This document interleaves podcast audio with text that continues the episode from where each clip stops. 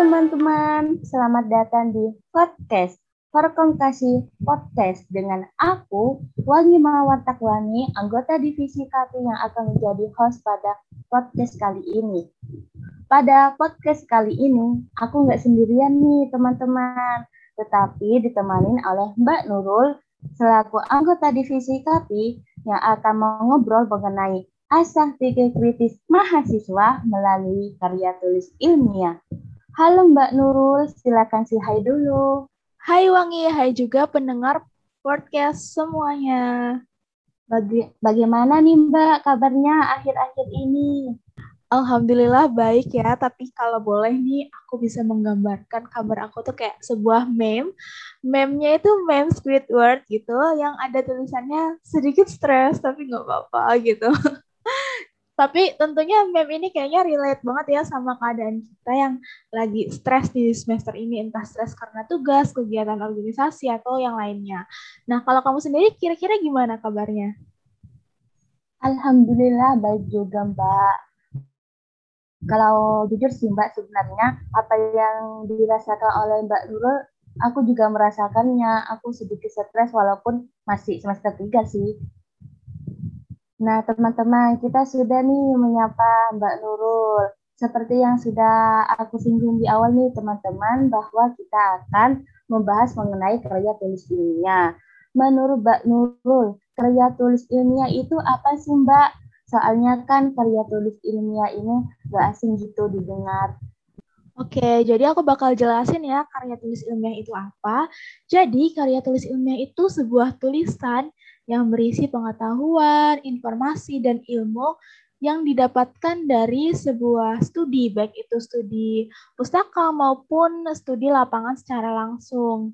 Nah, karya tulis ilmiah ini bukan sifatnya yang kita mikir atau kita mengarang langsung jadi gitu, tetapi karya tersebut, karya tulis ilmiah tersebut harus uh, didasari oleh eh, data-data atau sumber yang terpercaya dan bukan hasil rekayasa seperti itu. Menurut Mbak Nurul, seberapa penting sih karya tulis ilmiah ini bagi mahasiswa? Oke, tentunya karya tulis ilmiah ini penting banget ya. Dan sebenarnya pentingnya itu nggak cuma buat mahasiswa aja sih. Tapi kalau bisa kita lihat dari sisi mahasiswa nih, kita semua pasti tahu kan kalau sebagian besar tugas mahasiswa itu berbentuk KTI, entah itu makalah, artikel, esai, dan sebagainya gitu kan. Nah, selain itu, selain memenuhi tugas-tugas kuliah, uh, dengan membuat KTI juga kita bisa belajar banyak hal gitu. Dan di antaranya yang pertama adalah melatih mahasiswa untuk mengembangkan keterampilan membaca efektif. Nah, kenapa bisa mengembangkan keterampilan membaca efektif karena dengan kita uh, membuat KTI itu kan tentu kita harus membaca dulu sumber-sumber yang lain gitu. Jadi ketika kita membaca itu kita bisa uh, menyaring informasi yang didapatkan dan kita juga mampu memperkaya wawasan kita. Nah, setelah itu uh, dengan menulis KTI kita juga bisa uh, menyampaikan gagasan itu berdasarkan sumber. Jadi ketika kita berargumentasi di dalam tulisan kita itu tuh ada faktanya, ada sumbernya yang bisa dipertanggungjawabkan. Selanjutnya manfaat lainnya nih uh, itu juga bisa melatih keterampilan kita sebagai mahasiswa itu untuk uh, mengenali masalah yang ada di sekitar kita dan menggali informasi serta mengumpulkan dan menganalisis data. Sehingga ketika uh, tulisan kita itu didasari oleh data, didasari oleh sumber-sumber itu uh, data kita juga valid gitu, tulisan kita itu valid. Dan ketika kita belajar menulis KTI juga kita juga belajar untuk menghindari plagiarisme gitu. Jadi ketika kita menulis itu tidak hanya uh, mengcopy dari tulisan orang, tapi itu juga hasil karya kita yang orisinal dan didukung oleh data yang kuat. Nah, selanjutnya nih manfaat lainnya ketika kita menulis KTI itu kita bisa mengembangkan budaya ketera, budaya penelitian yang berkelanjutan. Nah, seperti yang kita tahu kan ketika kita membaca tulisan ilmiah itu tentu ada saran. Nah, saran-saran ini diharapkan bisa menjadi pengembangan ketika kita menulis uh, eh, KTI selanjutnya gitu. Jadi uh, sebuah pengetahuan itu bisa terus berkembang gitu ketika kita melakukan sebuah uh, penulisan karya ilmiah. Seperti itu, Wangi. Wah, ternyata karya karya tulis ilmiah bermanfaat dan sangat penting nih, teman-teman. Nah, yang disinggung Mbak Nurul tadi mengenai plagialisme. Nah, begini Mbak Nurul. Nah, terkadang aku masih melihat itu ada mahasiswa yang masih kopas sana sini Mbak dalam mengerjakan tugasnya baik dari internet maupun dari temannya sendiri. Selain itu juga Mbak, kadang itu mahasiswa itu kesulitan dalam membuat karya tulis ilmiah. Nah, kira-kira nih Mbak, apa yang menyebabkan mahasiswa itu kesulitan dalam membuat karya tulis ilmiah? Karya tulis ilmiah. Boleh juga nih Mbak dikasih tips-tipsnya apa saja? Oke, jadi aku bakal jelasin dulu ya kira-kira hambatan apa sih yang biasanya dirasakan mahasiswa ketika menulis KTI. Nah, hambatan itu yang pertama adalah mahasiswa itu sering merasa kesulitan ketika mereka mau memulai. Jadi mereka itu kayak bingung gitu loh mau nulis apa, nggak ada ide, nggak ada gagasan gitu di kepalanya. Selanjutnya uh, mereka juga uh, kesulitan menemukan ide kayak yang tadi nih. Kayak misalkan kesulitan memulai itu karena banyak distraksi gitu ya, entah karena ada distraksi uh, drakor terbaru atau ada game atau apa pun gitu yang bisa mendistract mereka. Nah, selanjutnya ketika mereka terdistract juga mereka biasanya kesulitan untuk menemukan ide. Nah, ide tersebut biasanya disebabkan maksudnya kurangnya ide tersebut biasanya disebabkan karena mereka itu uh, kurang membaca dan kurang mencari referensi kayak gitu. Dan selanjutnya yang ketiga nih, ketika mahasiswa biasanya udah punya ide, udah hmm, punya gagasan itu biasanya mereka itu kurang percaya diri nih hambatannya. Nah, mereka itu kurang percaya diri atas tulisan mereka sendiri. Kadang mereka itu takut kalau ketika kita maksudnya ketika mereka sudah menulis itu mereka takut tulisan mereka itu dicemooh tulisannya jelek atau dijadiin bahan tertawaan atau takut ada bahasa yang kurang berkenan gitu. Tapi untuk mengatasi hal tersebut aku juga punya nih tipsnya buat teman-teman.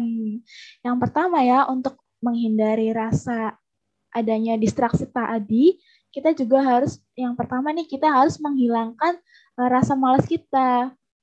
Ya, jadi gimana kita bisa ngelawan distraksi tersebut kalau dalam diri kita sendiri itu masih ada rasa malas. Dan selanjutnya kita juga harus memotivasi diri kita dengan uh, melakukan hal-hal yang uh, kita suka gitu ketika kita menulis. Misalnya kita menulis di tempat yang uh, nyaman buat kita, entah kita misalkan kita lebih suka di ruang tertutup mungkin kita bisa menulis di kamar atau kalau kita pengen lebih mengembangkan ide mungkin kita bisa nulis di kafe atau di mana pun senyamannya kita gitu. Dan selanjutnya adalah kita juga harus lebih percaya diri gitu. Jadi ya udah nulis aja dulu nanti urusan hasil belakangan gitu kan nanti juga pasti kita bisa baca-baca lagi, kita bisa merevisi lagi seperti itu. Jadi intinya uh, lebih percaya diri aja sih. Selanjutnya nih teman-teman, dalam membuat karya tulis ilmiah, tentu kita juga harus berpikir kritis nih teman-teman. Dari Mbak Nurul sendiri, berpikir kritis itu apa sih Mbak?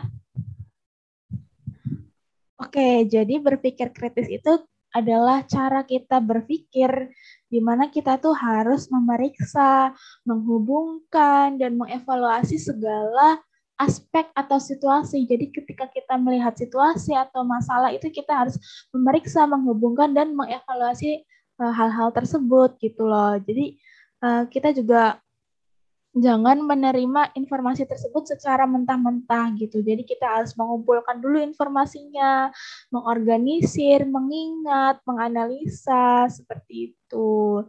Jadi kita itu nggak langsung uh, menarik kesimpulan dari apa yang kita lihat gitu, tapi dicerna dulu dalam pikiran kita. Baik teman-teman, kita sudah nih bahas banyak mengenai karya tulis ilmiah, baik dari apa itu karya tulis ilmiah, tentunya karya tulis ilmiah, tips-tips dalam membuat karya tulis ilmiah, dan juga mengenai berpikir kritis.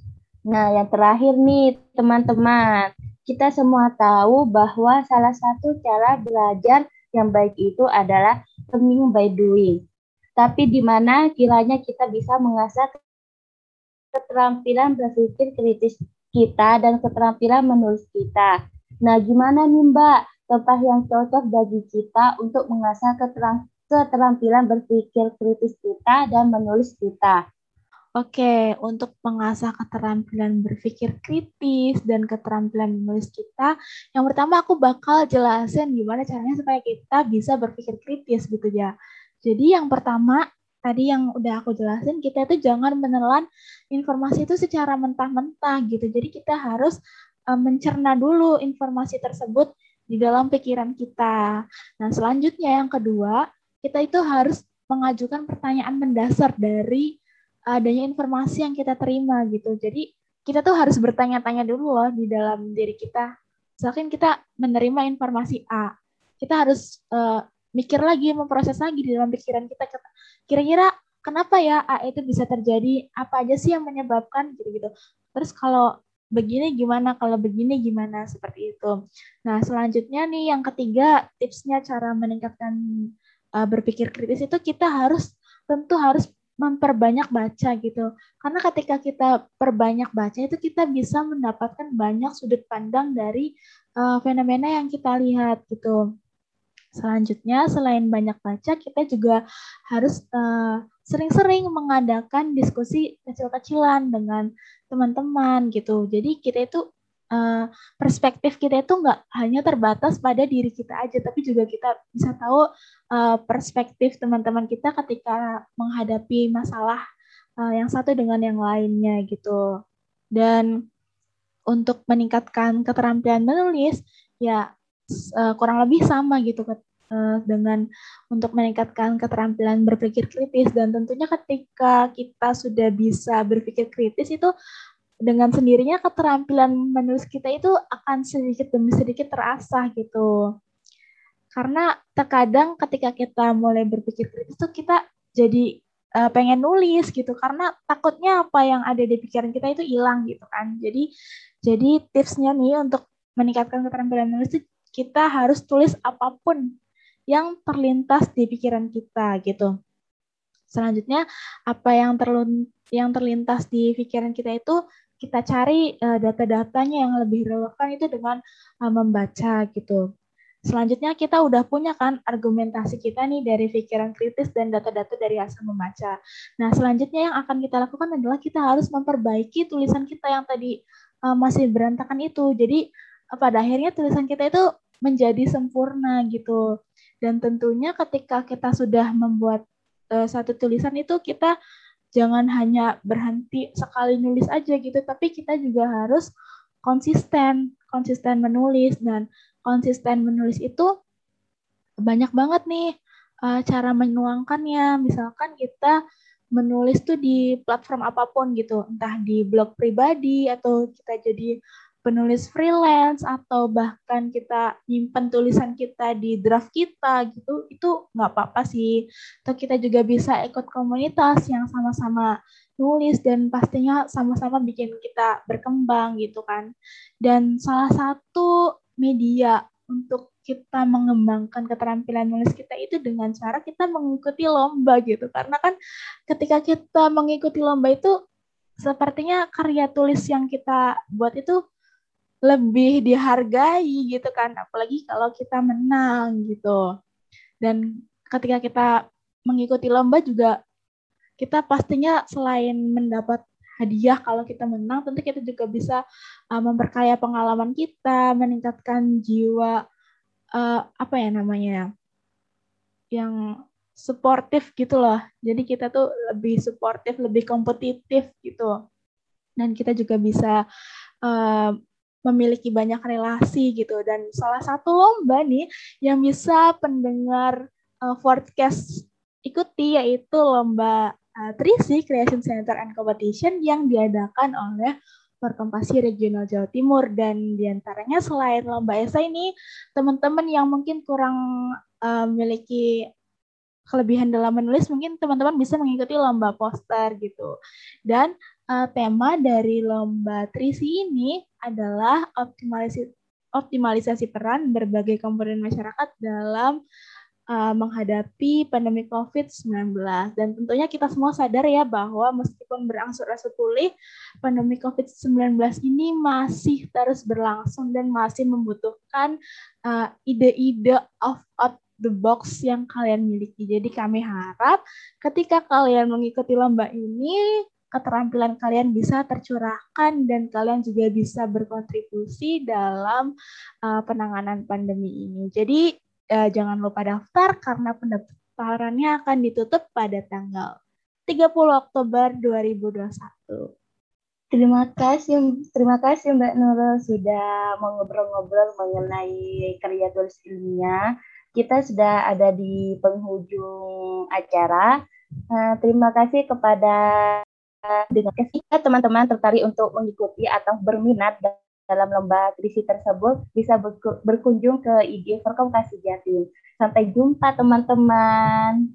Sampai jumpa. Terima kasih Wangi. Terima kasih juga teman-teman yang sudah mendengarkan.